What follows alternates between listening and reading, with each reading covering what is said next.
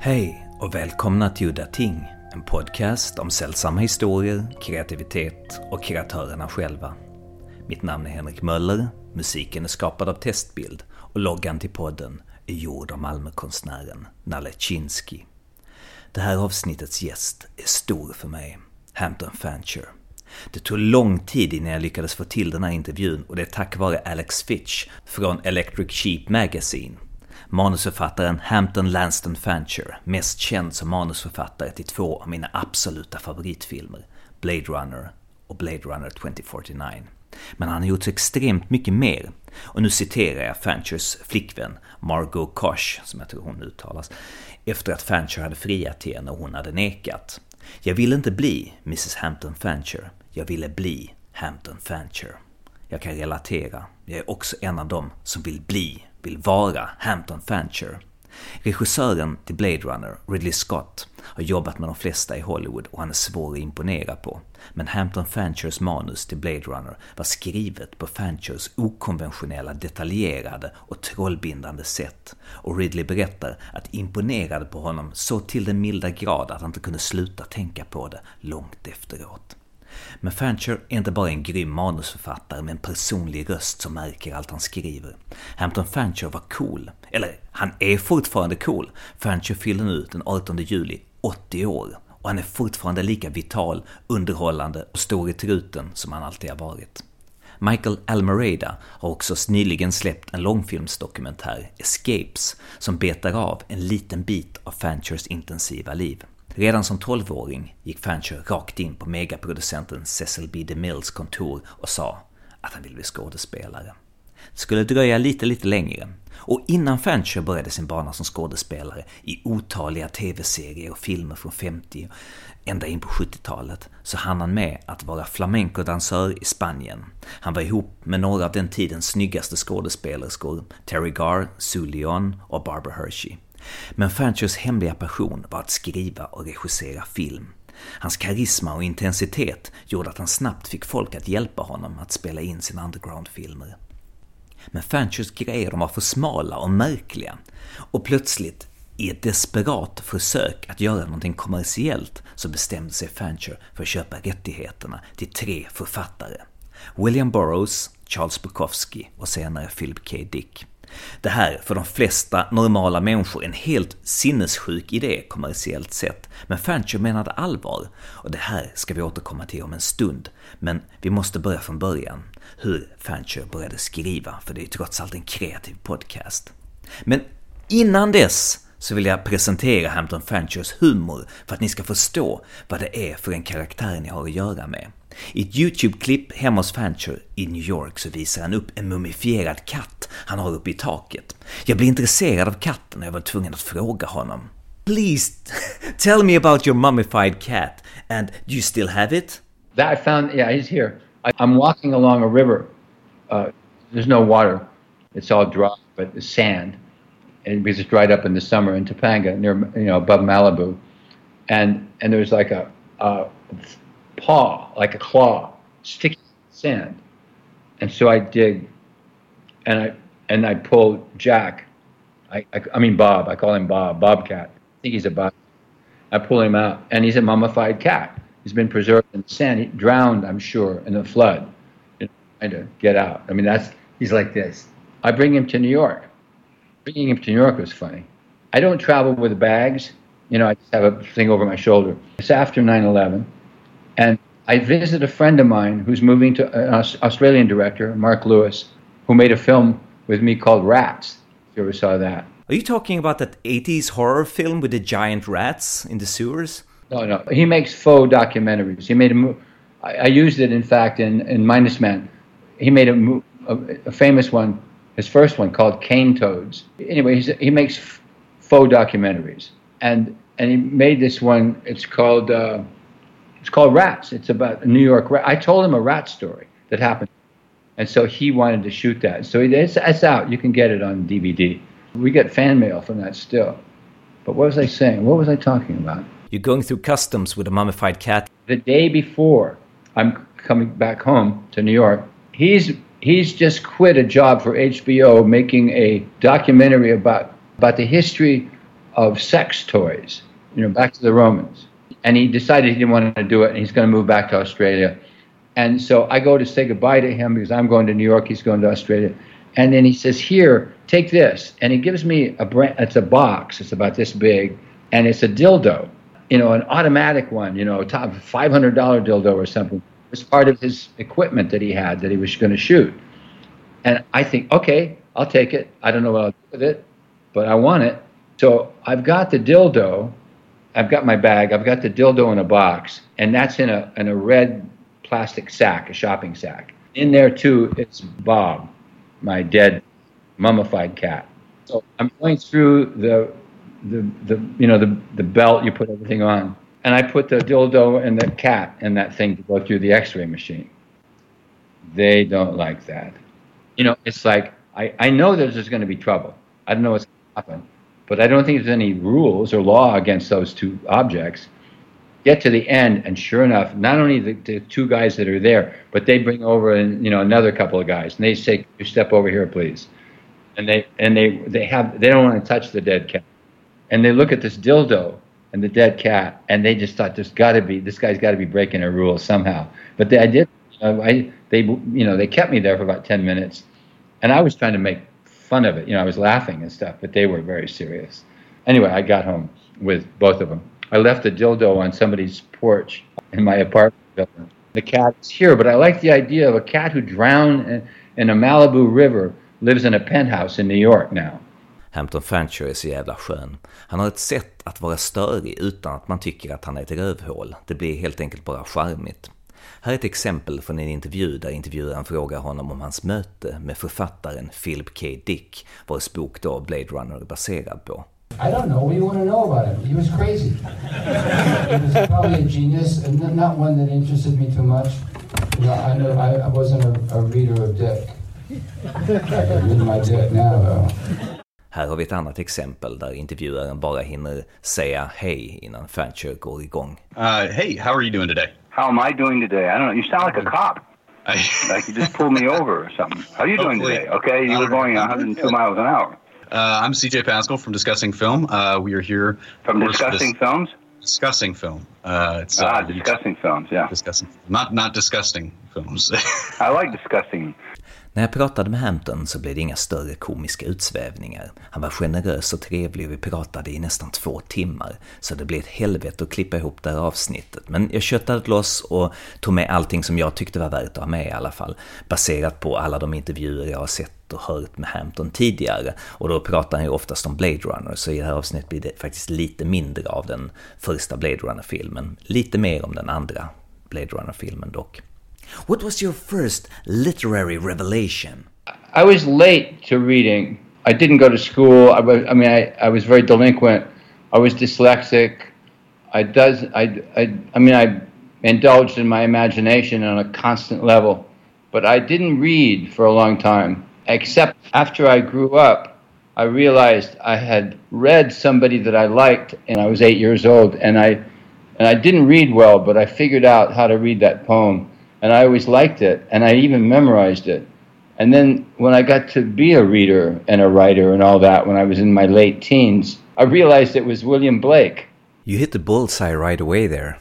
I just stumbled on reading. I walked into a bar and there was a guy, a guy just sitting at, at a chair, you know, with an, in a noisy place, and he was fucking around. You know, he was he was reciting something uh, ostentatious, ostentatiously, and it and I liked it, and I and I listened to him very carefully, and then I became friends with him, and he was a poet, and uh, he was reciting the Rubaiyat of Omar, of Omar, Omar Khayyam, you know, the 12th century, 13th century Persian poet. I, I came in, I was 15, uh, and I became really enamored of that, so I memorized it, uh, 103 verses, you know, and that, and then that took me to Shakespeare, and and that guy helped me, you know, he turned me on to Edgar Allan Poe and some, you know, I got r- r- deeply involved by the time I was 18. Since then, you know, I read and write. I mean, you must have been encouraged early on. I don't think I, I think the the encouragement came from my own delusion. You know, I was so romantic about it. So my imagination just you know was endless about who I was that way, and and I think I, I hung around with people who, who yeah I mean you're right in the sense that I was around people who bought into that delusion. I mean that's not a complete delusion. I, I you know I was writing poetry. I got published. You know, uh, but I was crazy. You know I, w- I was just an egomaniac and and thought I was something. And and it took a long time to realize you know I was full of shit. I mean years. And, but all that time I was working at it, you know. But I was, you know, I was in love with Joseph Conrad. What novel by Conrad? Was it Victory? Yeah, and Victory was was very meant a lot to me. All my, I mean, that's that's a watershed moment in my life. I read it many times. I have a lot of victory stories, but I was copying. You know, you you get influenced by somebody, and so when I first was writing, I was writing in that, you know, in that melody kind of, and uh, and it took a long time for me to to find myself, you know, as a writer. And not that I found myself as a writer, but you know, to get away from uh, the influence of Conrad because I was writing rich, you know, thick, writing too much. Um, but I was, you know, I've never succeeded very much as a writer. I just, I'm a, I just write, you know. I've also heard that you were a big fan of Michael Herr's Dispatches. Oh, did, oh yeah, big time. Yeah, Dispatches is means a lot to me. I mean, I, I, it was year, many years ago, but uh, and in terms of screenwriting, I think I learned a lot from uh, oh, what's his name, and which is along the lines of Dispatches, which is terse, you know, which is flinty. Were you thinking of Edward Abbey? No, I wasn't thinking about Edward Abbey. I was thinking about a detective. Somebody turned me on. Uh, you know, I didn't. I read Raymond Chandler, but I never really read detective stories. Edward Abbey was a big. I love Edward Abbey, not the novel, but the you know he wrote two novels I think, but Monkey Wrench Gang. You know that's just you know it's polemical and, and ridiculous probably, but his essays I adore, and they they always meant a lot to me. I think I see a lot of William Burroughs in your writing. I mean, in your short stories, that is. Huge. I mean, William Burroughs, I guess, has more influence on me than anybody. I got so immersed in William Burroughs you know, certain things, and not everything, but uh, and I also had the beautiful good fortune of of spending time with him. Please tell the story of how you met him. You know, this started my Hollywood career, kind of. Uh, I mean, as a writer, um, and I think it was 1973 or four or four. Someone gave me ten thousand dollars. You know, probably like thirty thousand dollars now, and I had been trying to make films, little films, underground things, you know, uh, very unrealistic. Uh, I mean, my approach to all of it was ridiculous. You know, might call it complimentary underground. You know, I was very far underground. And I wanted not to be anymore. I wanted to do something that I thought would be legitimate and acceptable, say, to Hollywood. So when I got that $10,000, I decided to to option three properties. I figured that with that much money, I could get, get, get three books that I didn't want to do myself. That I, you know, I had other ideas for myself. I thought I could get in the front door of Hollywood, and I was very naive that I chose William Burroughs, Philip K. Dick, and Charles Bukowski. Bukowski and Dick were not known at all in those, you know, in the middle 70s. I, I mean, not by the world at large as they are now. So I went to those three guys. It wasn't easy to get to them. I mean, that, those are stories in themselves how I how I actually got in front of those guys. But William Burroughs was the first one, and uh, I called his agent. I didn't know how to do those things, and, but I called his a- I got a hold of his agent in New York, and I said, "I'm calling from Hollywood. I'm Hampton Lansden Fancher III. Want to talk to Burroughs about the possibility of doing a movie out of fuck, I don't know whether it was Dutch Schultz or uh, no, I think it was another little book of his on the Klondike and Alaska and all that. And I thought about making like a western, and and I was stupid enough or naive enough to think that William Burroughs would do it. You know, he would write. You know, I could pay him. I'll pay him. The agent said, "Forget it. You know, there's no way Burroughs is going to be interested in this." And I said, "I don't care. I'm coming anyway. I'm coming to New York. I'm coming to you, and I want you to set up a meeting." And usually I'm not so, you know, bold, but I was in that moment. And he said, I'm telling you, I'm not, it, it won't work. And I'm saying, it'll work. And I, I think I had some notion or some confidence based on And I didn't know, you know, I didn't know really who Burroughs was. I just knew him as the writer, and I'd read about him as much as I could. But I knew he was gay, and at that point, I was pretty confident about my physical presence. Young man, I was a very handsome man, and all that shit, you know. And I just thought maybe if I could get in front of him, he might be susceptible to my idea, you know. And turned out I was kind of right, I think. So I did go to New York right then, and I did show up at the agent's office, a big, you know, fancy place in Park Avenue or whatever.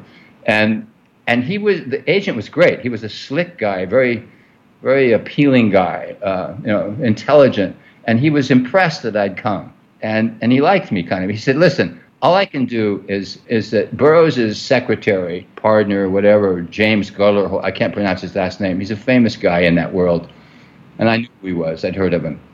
Young guy, very smart, and I'm going to call James. He says, have him come over here. I said, when? He said, I don't know. I got to call him first. I said, okay, I'll wait. And I waited for like an hour and a half and then so-called James shows up, and he was great. I liked him a lot, and we had a good time. And then in front of me, he called Burroughs. He says, "Listen, Bill, I think you, you're going to have to meet this Hampton Fancher guy." We set up a, a meeting. I was staying at the Drake, and said, "Okay, I'll, you know, they'll come over to the hotel at six o'clock in the afternoon." This is like three or four. I take the guy to, to New York that morning. You know, I was, I was excited and fucked up. I went back to the hotel, waited in the lobby at for six o'clock or whatever it was, and here comes Burroughs, you know, James. And Burroughs was wearing his normal, you know, CIA suit, Brooks Brothers, but he had a vest on that was Brooks Moroccan, you know, and very dour. Uh, didn't like me, wasn't very talkative, and you know, suspicious, or I thought he was. And I was like, I, I was so excited, you know, I was so happy to, to be in his presence. And I think he liked that. I mean, I'm just guessing. I don't know why he cooperated. But we talked for about an hour or so in the lobby and then decided to go to dinner. What did you talk about? Did you discuss the script? No, it, we talked. I was so interested in things about him. I asked him questions. He gave me these kind of talks like W.C. Fields. Funny, Bukowski talks like that too. They're like this, very dismissive, talking like that. And uh, yeah, he looked at me and uh, he didn't ask me anything personal. And finally, we get in a car and go to a restaurant he likes on the east side, Upper East Side, little place. We go there, spend about three or four hours there, drinking, talking. James didn't talk much. I was getting Burroughs to talk. I told Burroughs what I had in mind and told him that, and I was so stupid. I mean, I, I mean, now I would never say something that I wanted him to write this screenplay. What the fuck does that mean? You know, he does, he's a screenwriter, but he, I mean, he had written some, some things in his book, uh, I think, in the Wild Boys and a couple other things where he takes a, a, a, the conceit of screenplay writing and uses it a little bit, zooming in on, flying over, you know, whatever. Uh, in fact, the little book Blade Runner that he wrote has a, a, touch of that, I think. So I just, you know, that being the cue, I took, I think, oh, he wants, you know, he's a screenwriter in some sense. I was way off, of course. But anyway, I was thinking I was talking him into it. And I had this idea of a compilation of his works to make a screenplay out of. And he said, How much does that pay? He said, well, How much do you want? And, and I was thinking I got that $10,000, you know, but I just want to give him a couple thousand uh, because I want to do other things. And so I, I don't know if I mentioned the price or not, but I did. Um, he did say, "Well, what about a hundred thousand dollars?" I think he was fucking with. Me. I said, "You get a hundred thousand dollars, sure." Of course, there was no chance he was going to do any of this, and and he also was very cold to me. Didn't give in. He didn't, you know, he didn't, you know, I, I couldn't find his soul in his eyes or anything. Then after it was late, you know, was, I mean nine o'clock. We'd been there a few hours. We we decided to leave and, and I'm, I'm leading up to a moment where we got connected a little bit. And we went outside. It started to rain really hard. And we are looking for a taxi. And a taxi came. And as I opened the door for Burroughs, as I said, I know your favorite novel. That bothered him. He didn't like it. He said, oh, you do, do you? You know, like bullshit. And we, we slid in. And I looked at him. And and he said, "Pray tell, what's my favorite novel?" I said, "It's the reason it's your favorite novel is because you're the nemesis in the novel. You are." He said, "Oh, tell me what that is."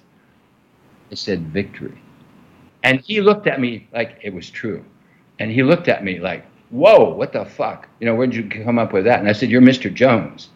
Mr. Jones, he's one of the three bad guys in Victory, right? The foppish, gayish, fragile, neurotic guy, you know. And and he looks at James and he says, something, well, uh, you know, who is this guy? You know, meaning me. And then he says, what did, what do you do? You know, I mean, already it was obvious I was the Hollywood guy, you know, but he said, what did you do before that? And I said, there's another thing we have. And he said, what's that? And I said, I lived in Spain. I was a flamenco dancer. And, and when you were in, in, in Morocco, I was in Madrid listening to UNESCO records that Paul Bowles had put together from the Atlas Mountains. He said, Paul, you know, and then, then we kind of got, you know, we were going to leave each other. We are going back to the hotel and he was going to go. But then when we got to the hotel, he came up and we stayed all night talking, you know, from like 10 o'clock until sunup, you know. So there was a change in the tone of the conversation after that. Yeah, well, it wasn't a conversation. It was, it was weirder than that because when we got up to my place, I sat on the floor in the front room, and he sat on the couch, and I would, and he brought out a, a big joint, and we got high, and I couldn't stop talking. I was so excited. I was so fucked, and in the grass, you know, it was really strong. So I kept talking. He was fine not talking. He didn't talk. I asked him questions, and then I mean I've said this story a million times, but it was it was true and it's funny. That whole night of me talking, being high, he was fine like James Joyce and Samuel Beckett. You know, he could just sit. You know. Oh, by the way, I had I asked questions of him about his thing in Chicago with uh, with Genet and Mailer. You know, and there was a lot of things I, I and his and his dinner at Godidas in Paris with uh, with Beckett. And I had a lot of you know I'd known so much about him. I had I wanted verification for certain stories, and he he, you know, that was part of the night was my asking him, you know, recounting certain things and asking him if it was true about certain things, and he would verify them or, or say that was bullshit or whatever, and that was fun.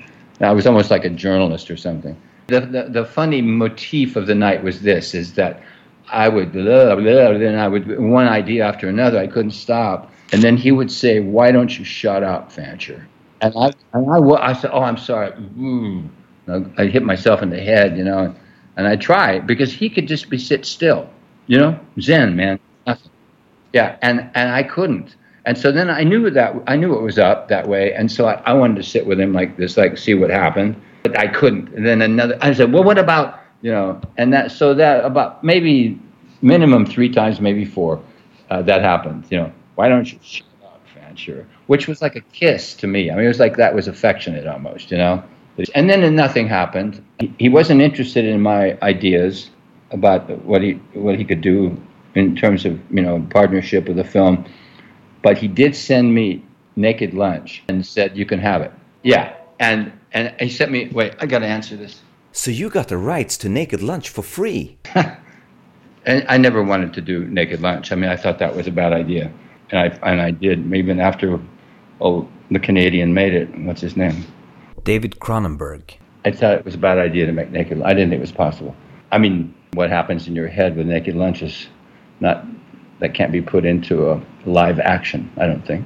But then you met with Charles Bukowski for the same reason. Uh, again, with I thought, you know, I was stupid. I thought that he, I could pay him, and he would write a screenplay based on choices I would make from, from extracts from his work. Which book was it? Do you remember? Oh God, there's so many things back then. I don't know if maybe post office. Yeah, I think it might have been post office, and and combined with something else.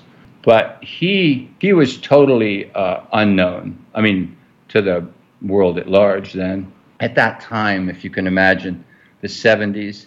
I mean, I mean, it sounds good for Hollywood in terms of the films they were making, but those three choices, Dick and and Bukowski and and, and Burroughs, it's just like a stupid idea. I mean, that those, I mean, later, it, it's not so stupid in the 80s or whatever, but right then, there's nobody in Hollywood that would have done anything like that. I mean, financed anything like that. Uh, Did you have a better relation with Bukowski than with Burroughs? Bukowski didn't trust none of these guys, all three of them, by the way. I think the initial moment, my introduction to them to, to get the door open was I'm from I'm a Hollywood person. I'm not I'm an outsider in Hollywood for sure. But they made that assumption. They all they all acted like they liked me, I think, but they didn't. They all they all thought I would they were suspicious of me. They didn't like me, I don't think. I don't know.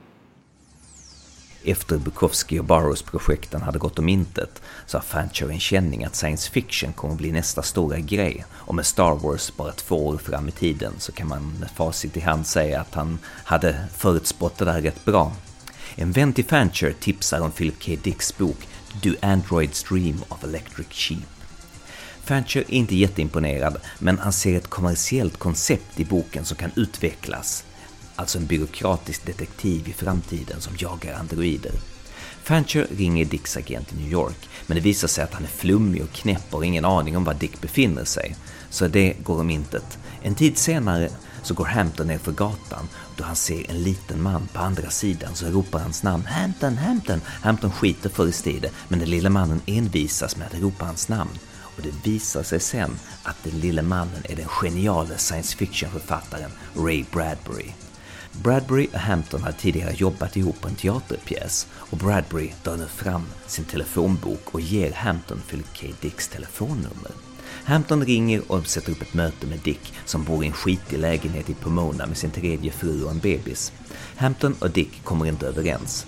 Enligt Hamptons version så lider Dick av fullständigt storhetsvansinne och mundiarré som aldrig tar slut. Han sög upp allt syre i rummet och låtsades höra röster som ingen annan kunde höra, bara för att göra sig märkvärdig, spela cool.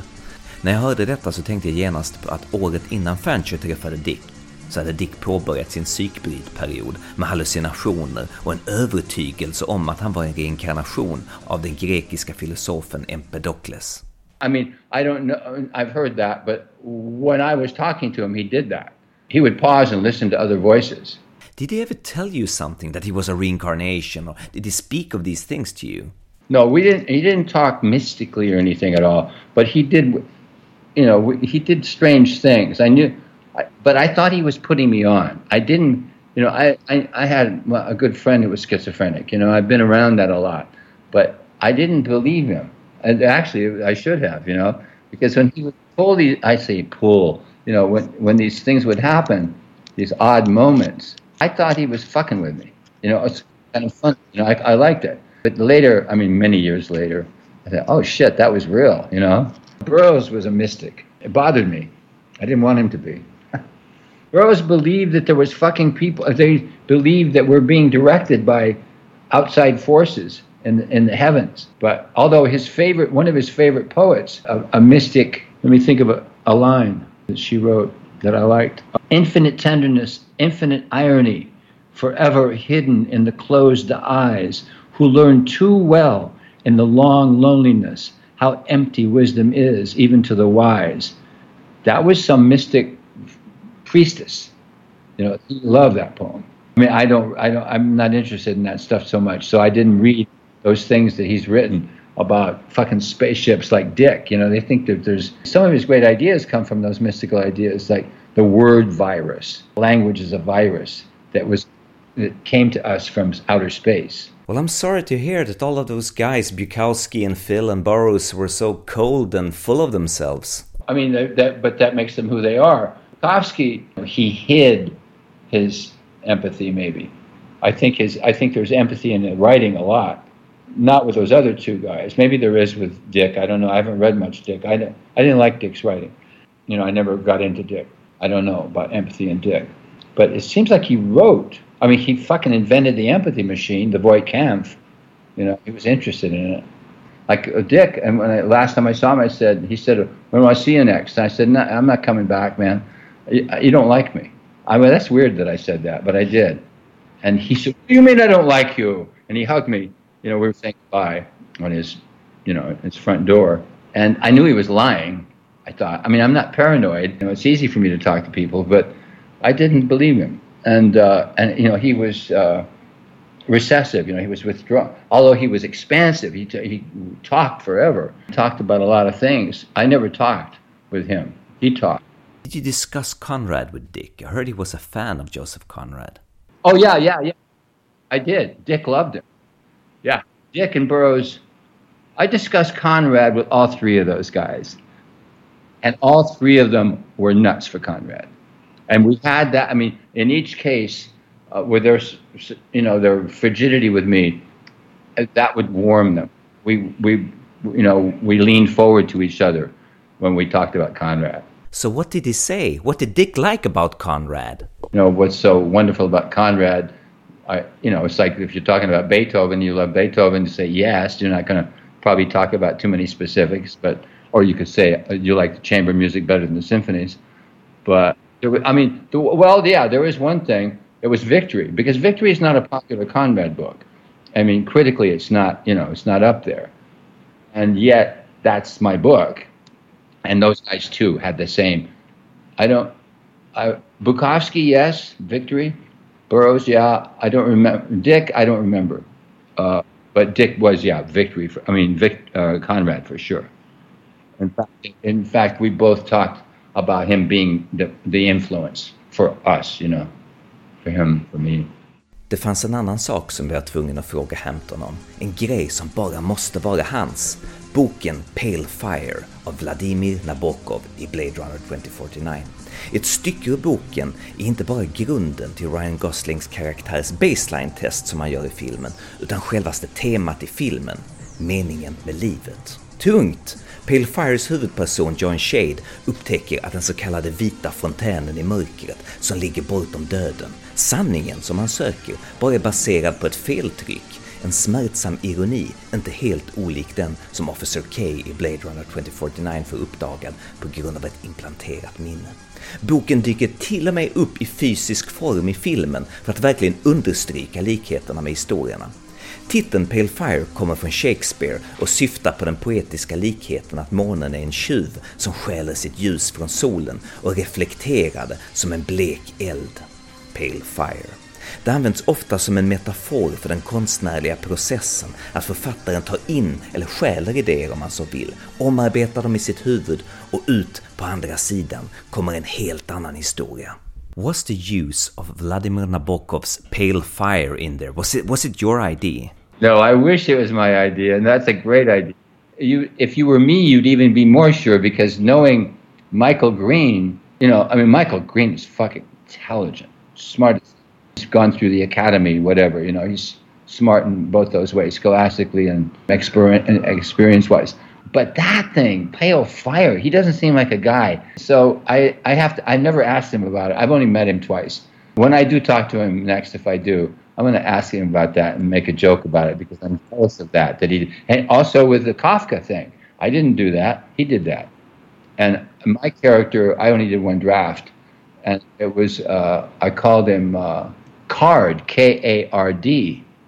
That's where that K came from. You know, they, I don't know who did it, whether it was the director or, or Michael Green, but, you know, making it K. That was interesting too. So, yeah, he did a, he did a bunch of things that were really brilliant and had literary circuity to it. So I guess he's a reader. I don't know. I, I'm only, I spent a little bit of time with him. I heard your original script for 2049 was kind of mad. I am from acid. I am from Burroughs. You know, I am. I mean, my mentality, my inclinations. You know, Michael Green is rabbinically intelligent. You know, metaphorically, it would be like he's Bach and I'm, you know, James Brown or something. You know. What exactly was mad about it? I'm curious. I don't know. There was some aspect of, of madness to it. You know, you know, a bit crazy, a bit off kilter. Uh, that wasn't in the film. I mean, there was things that were definitely off kilter and wonderful in the film, but not not mad, you know. But and the story, I don't know. I think that screenplay is so different than the movie that people tell me, you know, oh, that's your movie. You know, you're all over the place. I mean, the you know the director, you know, the producers, all they all say that, but I don't see it. Could I read it? You can read it. I mean, and I think I have your email address. I'll send you a. I got to get permission first. Not that I have to, but I don't want to. Uh, I mean, I don't see that there's anything off about that. I mean, I, I, don't know why. I mean, it's nobody's business. It doesn't make any difference. You know, so the movie's the movie. There it is. But I'll still, I'm, I'm going to ask my agent, you know, if it's okay. it, we disguised it. We used another name, not for any other reason than they're they don't want anybody to know what the story is going to be. It's called it's called Acid Zoo. I was technical advisor on King Kong, uh, on De Laurentiis King Kong in the middle '70s. They sent me to a lot of zoos to study the gorillas, and I took acid all the time I was studying them. And uh, so I told him a funny story about that. And then we decided to call the script Acid Zoo by my name when I was a dancer was Mario Montejo. And so it's Acid Zoo by Mario Montejo. If I send it to you, I mean, you'll say, what the fuck is this? Acid Montejo. And that's what it is. Som manusförfattare själv så är jag väldigt nyfiken på att höra om Hamptons samarbeten med regissören Ridley Scott. De har ju samarbetat både på första Blade Runner-filmen och den andra. So tell me creatively, how is a spitballing session with Ridley Scott? How do you work? Is Ridley drawing while you're talking, or how does it work? I have a tendency to, to get tangential, to divert and go all over the place, you know. And I love to hear those guys. I mean, like Ridley Scott is so funny and brilliant.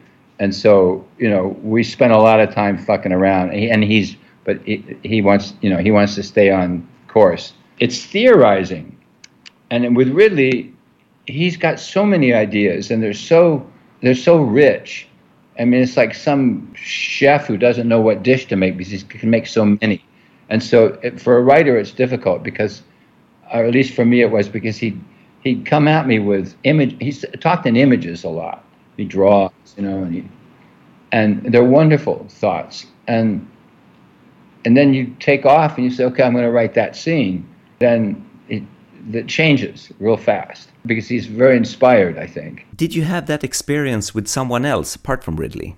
Other direct, I've only done it a few times, but uh, the first director of Blade Runner was real, uh, was Robert Mulligan. It was it wasn't so fun uh, working with him because I'd already done two or three drafts, and then we then we were making a deal with Universal and him as director before Ridley came.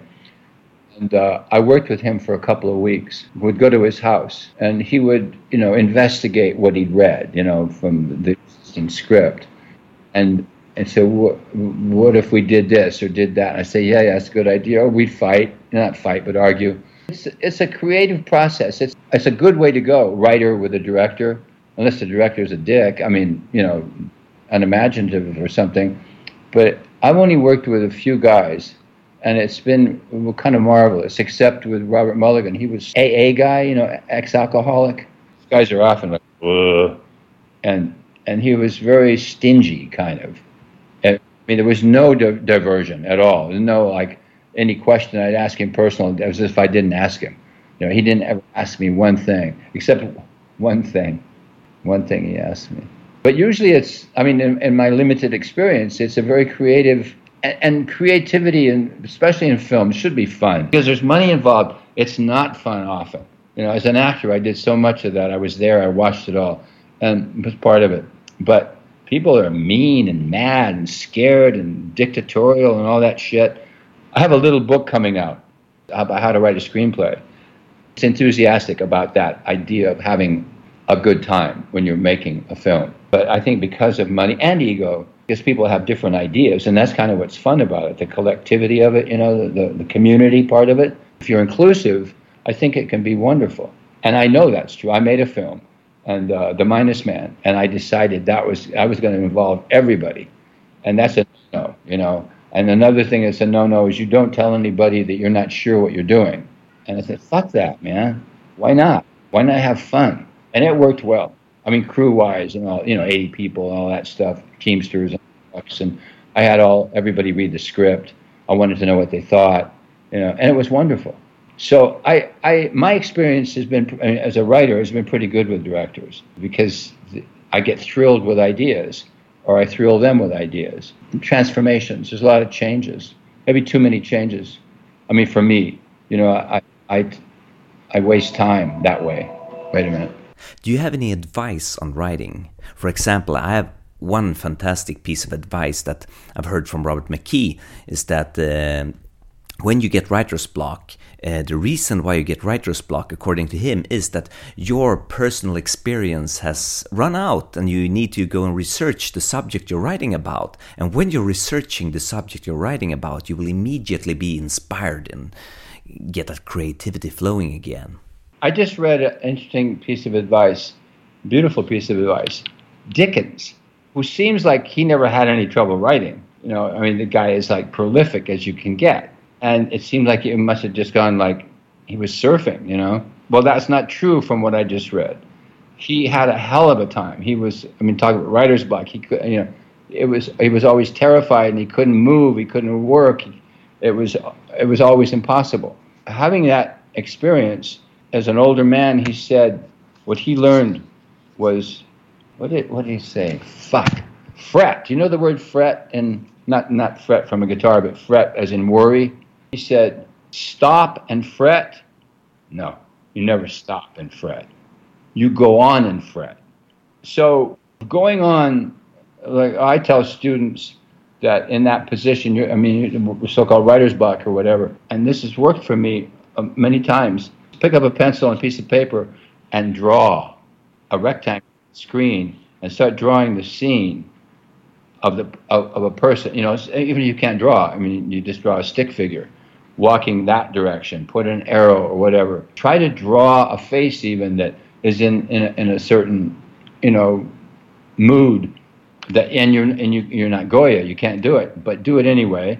And that's an that can help break this um, stultification, this you know, ugly static pattern where you can't find forward motion.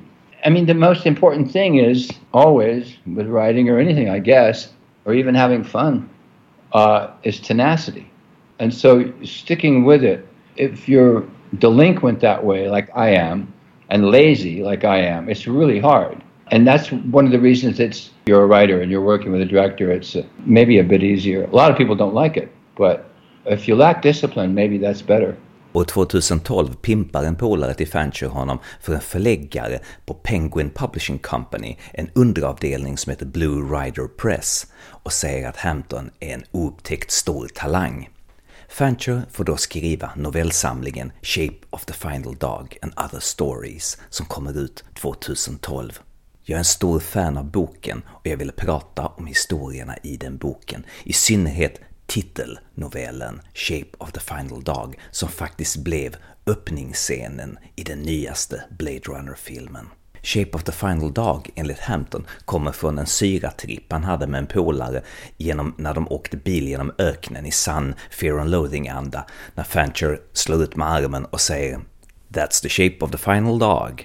Shape of the final dog, I'd finished those stories in that, of that book, they were done.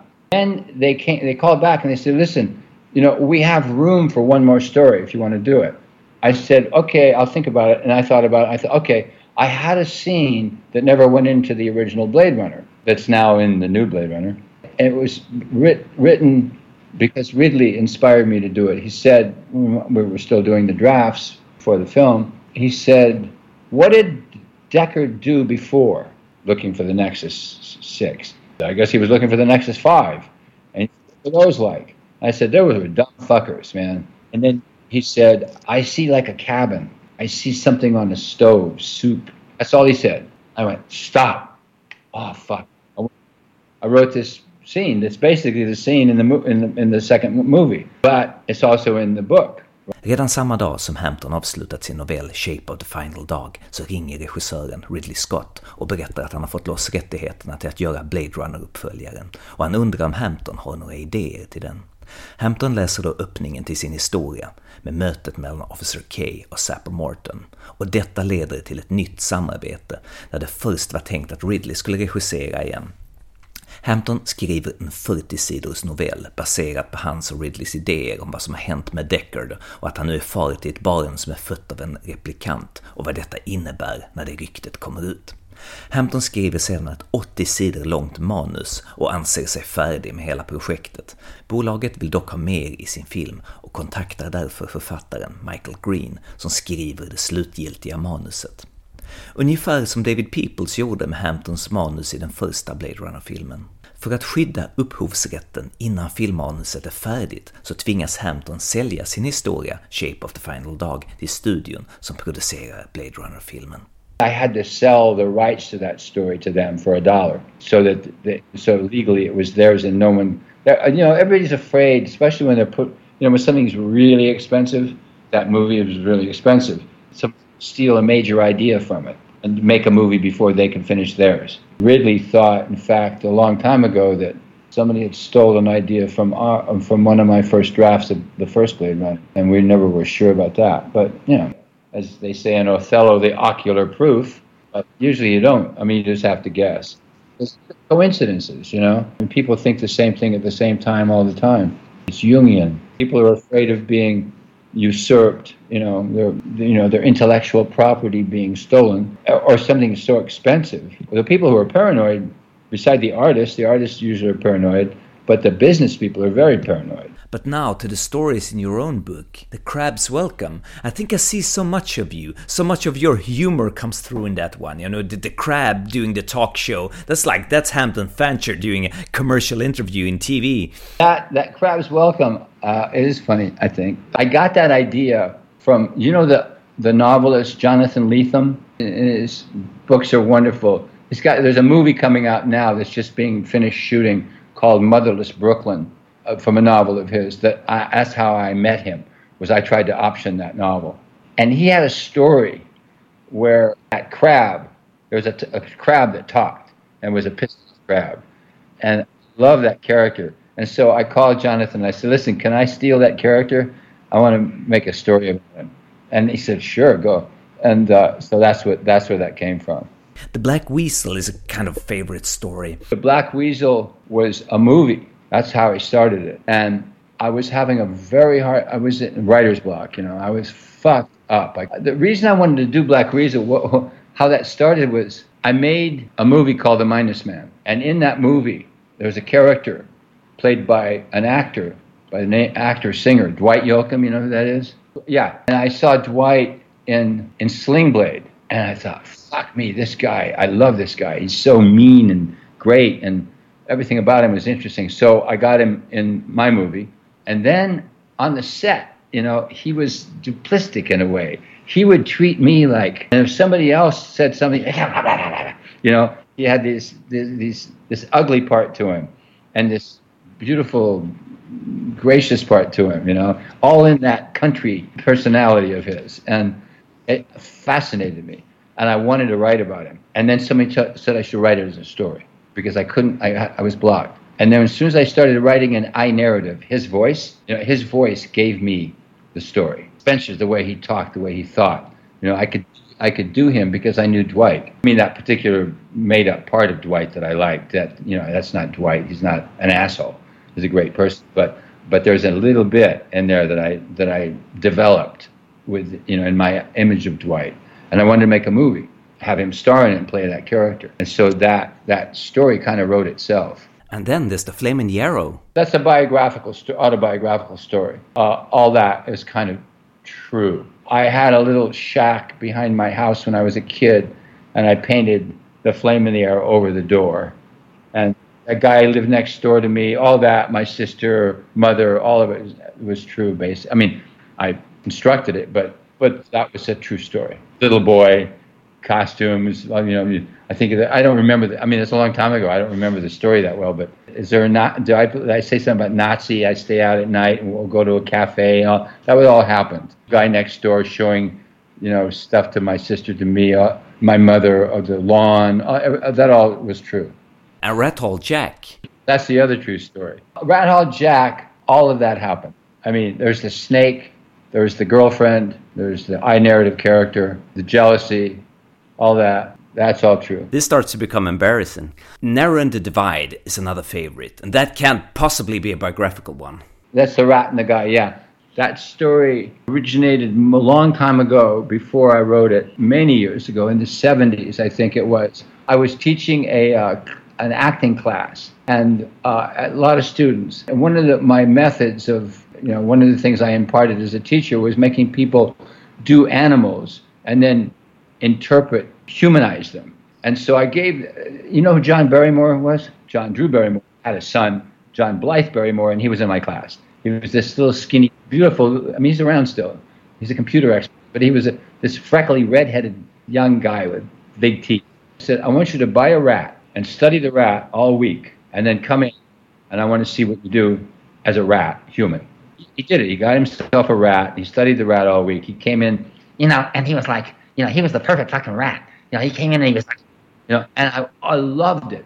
So then I had another actor. I said, this rat, you just trapped him in your bathroom, and you're going to kill him. And I want the rat to talk you out of it.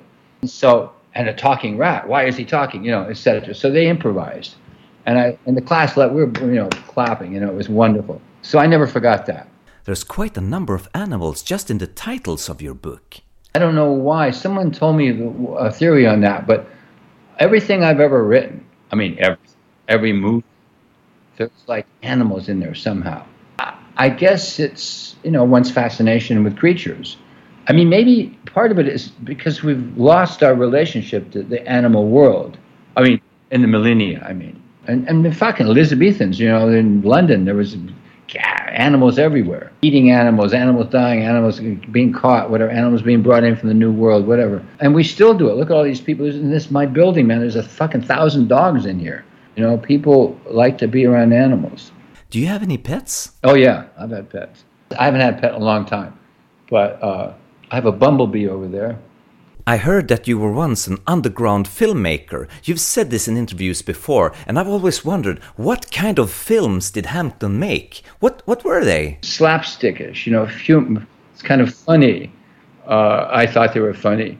Also, there, I think there are homages to other other underground films. I mean, not many, but I know that I would copy shots, not outright copy them, but be inspired by certain things, like uh, Cocteau, you know. And because I was a dancer, I think the, things were very physical. I, had, I would act, you know. I'm also an actor, and acting is dancing. I mean, it's movement, you know. And so there was a lot of movement, and I was very uh, taken with shooting. I, you know, I had my own cameras, and spend months, you know, playing with. I had like a little troupe of people, and we'd go off and shoot things. It was play basically. I took it very seriously when I was young, though, too seriously.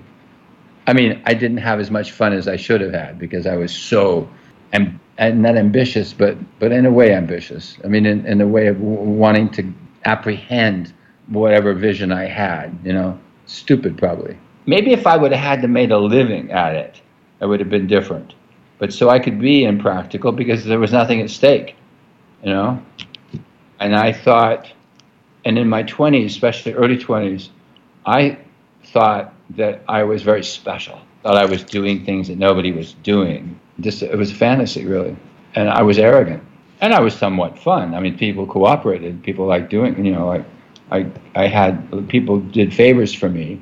I mean, studio people even they would take these things and help me or give me equipment or uh, editing facilities and stuff like that.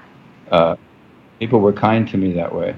The first short I made got distributed. They had a they wanted to cut it down from 20 minutes to 9 minutes. It didn't have room to play in the regular theaters in those days in the 60s. That they did have shorts in in art houses especially. But they had to be of a certain length in order to make the features work time-wise.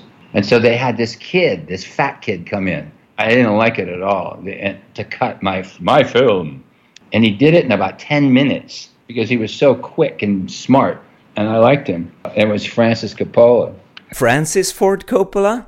Did you become friends with him? well I, mean, I just knew him a little bit but i mean from that experience but yeah i mean i felt i felt superior to him you know you know fucking editor or whatever i knew he wanted to make movies and we talked I mean, look at me. I'm here in Malmö, Sweden, looking up at you. And I know there's people here in Malmö that look at me and think I'm hot shit. But I'm looking at you, the writer of Blade Runner. And uh, did you, after Blade Runner, did you have a career? Did that kickstart your career like you had hoped for? Well, I never had much of a career, and the, the uh, except the career I had, I think, based on you know Blade Runner number one did give me a career. I I worked nonstop till 1998, I think, of writing from 80, 81 or 82 until until 99 or 98. I was um, invited into projects all the time. I mean, you know, it's like I have an idea. Okay, what is it? Let's do it. You know, I would write it. It would never be made, but paid. And I did that a lot. all of the 20 years or whatever it was. So I did have a career. That must have been a constant process of disappointment. Didn't that make you bitter? Maybe that's part of my problem of of of, of not having a, bit, a better career, you know, a more productive career. I guess I'm doing other things all the time. I don't think it's denial. I just think I I'd always go on to the next thing. I never it never w- w- bothered me too much that things weren't made. I mean that's that's the way it works anyway in Hollywood. Not now so much, but it used to like the mortality rate of scripts is probably 90 to 1. You know, I mean it's like for every 90 that are written and paid for, there's only one that gets made. Come in with a story idea and tell it. They say, "Oh fuck, this is a winner," you know, and then write it, and you and it's written exactly like what you told them. And they say, "Oh, can't you make it more commercial this way or that way?" Or and it goes down the tubes, or goes into turnaround, as they say, and they sell it to another studio, and then you rewrite it again. I've done that a lot. I was writing all along. I wanted to direct. So in in in '95 or '96, I called my agent and said, "I don't want any more writing jobs. I want to. I'm going to write a movie to direct. I don't know what that's going to be yet, but please don't even call me." Uh, and so I, that's when I made Minus Man. Then after Minus Man, nothing. I mean, I was offered things that I couldn't. I didn't want to do. Uh, not much, but they were either science fiction or serial killers, you know, and uh, and not good things. Then nothing. I was teaching. Then I got a call from Ridley in 2012. Did that, and here it came out. In America, that movie didn't do very well, Blade Runner. And uh, if it would have done well, I think it would be. I'd probably be offered things because that's how. So, I mean, it didn't make nothing, and it's number one in DVD now. Speaking of DVD, I just got I just opened the mail this morning, and documentary that Michael Almereyda made about me. How long did the Almereyda documentary on you escapes? How long did it take to shoot? He would come over to the house here, and we work. You know, we work an hour or two uh, once in a while over a period of two or three years. You know, I don't know, maybe nine times, ten times he came over. There's a lot more that we shot that's not in it, of course. Other stories or whatever. You know, he invented it after we shot it. That he said, "Oh, make it about three or four Hollywood stories and use those clips, you know, to make it." Do you have any scripts that you really wanted to do that didn't get produced that are still lying around? Some, you know, someone just called the other day. They because you know because people who are looking for those things hear about them. And there's one I have called The Painter that I almost made in France, and so someone said, "Can can we try to make that?" And I said, "Go ahead. You know, if you can find a director, I'm not going to direct it." And some other producer just took trying to find. He'll never do it, but trying to finance it. Uh, uh, about DB Cooper, the guy who jumped out of the plane with all the money, uh, and they never found. I wrote a script on that, and I had a really good one called I called it Dorothy and the Lizard Man, and but this movie that came out about this new movie just now about that Spanish guy, you know, Del Toro. Yeah, The Shape of Water. Yeah, so th- I, that I, you know, I don't think there's any room for my my rendition of that. But you know, yeah, there's scripts around. By now, I think I have a pretty clear idea of what kind of books you like. But what about films? Can you name a couple of your favorite films? I love Beau Travail. I love Faust, Sokurov's Faust. Oh, fuck yes, that's brilliant. I love The Hit, Stephen Frears' second film. I never heard of it. You should see it. It's like a, you know, it's wonderful. Almost, it's it's Terence Stamp and John Hurt and 1976 or something. They made it. I mean, these are films that I can watch always. If I start to look at them, I got to watch them. You know, they never get worse, or they never stay the same. They only get a little better, more interesting. You know, what Dodsworth is? John Huston. I mean, Walter Huston. Walter Huston is John Huston's father. Uh, Sierra Madre. Oh, yeah, he was the actor in Sierra Madre. Walter Huston played the old guy, John's father. But uh, Walter Huston stars in Dodsworth, and that's a few years. Be- that's about the same time actually as Sierra Madre, and he plays uh, like a Henry Ford character, a mogul who goes overseas with his wife to have a vacation, and it's you know I love Preston Stur. That's not Preston Sturges, but I love Preston Sturges movies. He's the greatest screenwriter, I think, next to the Coen brothers. I love the Coen brothers. I adore the Coen brothers. I like Soderbergh. I like Tarantino a lot. I know there's a million films I love. Where do, where do you live in Stockholm? No, in Malmo. That's as far south as you can come. by the ocean. Yeah, I love the ocean. I'm a swimmer. Oh, great! I know a, I know a director who lives down there. Has a summer. He lives in Stockholm, but he lives here, I think, a lot. Johan Johan Renck. You know that guy? Yeah, I know of him. He's a very successful music video and TV director. He he has, I think, a summer house there. How old are you? I'll be 42 in a couple of weeks. Perfect age. Good, good. You'll be good until you're 60. Then you'll have other struggles. You're born in 1939, right? 38. Yeah, my mother. My mother is born in 39. Is she alive? Yeah, she's all well, but she's not as funny as you, though. Well, she'll be funny, I hope. Gotta be funny. Fuck. Hampton, thank you so much. It was super fun talking to you. Thank you. That's good. That's awesome company. Som en sorts epilog på det här avsnittet kan jag säga att anledningen till att jag sa i början av avsnittet att jag skulle vilja vara Hampton Fancher är nog att han är inte den deprimerade konstnären med kanylen i armen utan han är någon som verkligen haft kul i sitt 80-åriga långa händelserika liv. Något som är få förunnat, verkar det som. Som sagt, vi pratade nonstop i två timmar och när jag nu lyssnar tillbaka genom bandet vi spelade in så blev det så tydligt exakt var Hampton satte stopp för intervjun. Jag hoppade plötsligt tillbaka och ställde en ny fråga om Philip K. Dick. Där kom plötsligt en gäspning och ett I don't know. Det här med Dick är någonting som Hampton spyr på har jag förstått och han tappade alltså helt enkelt flowet. Hur som helst så har jag fått ungefär alla de svaren jag ville ha. Grejen är den att det gäller att fånga Hampton. Ibland så ger han en 10 minuter lång utläggning på en fråga och ibland så bara går han förbi en fantastisk historia med tre ord. Det verkar helt enkelt ligga i stundens ingivelse. Ja, det var allt för den här gången. Mitt namn är Henrik Möller. Musiken är skapad av Testbild. Hej då!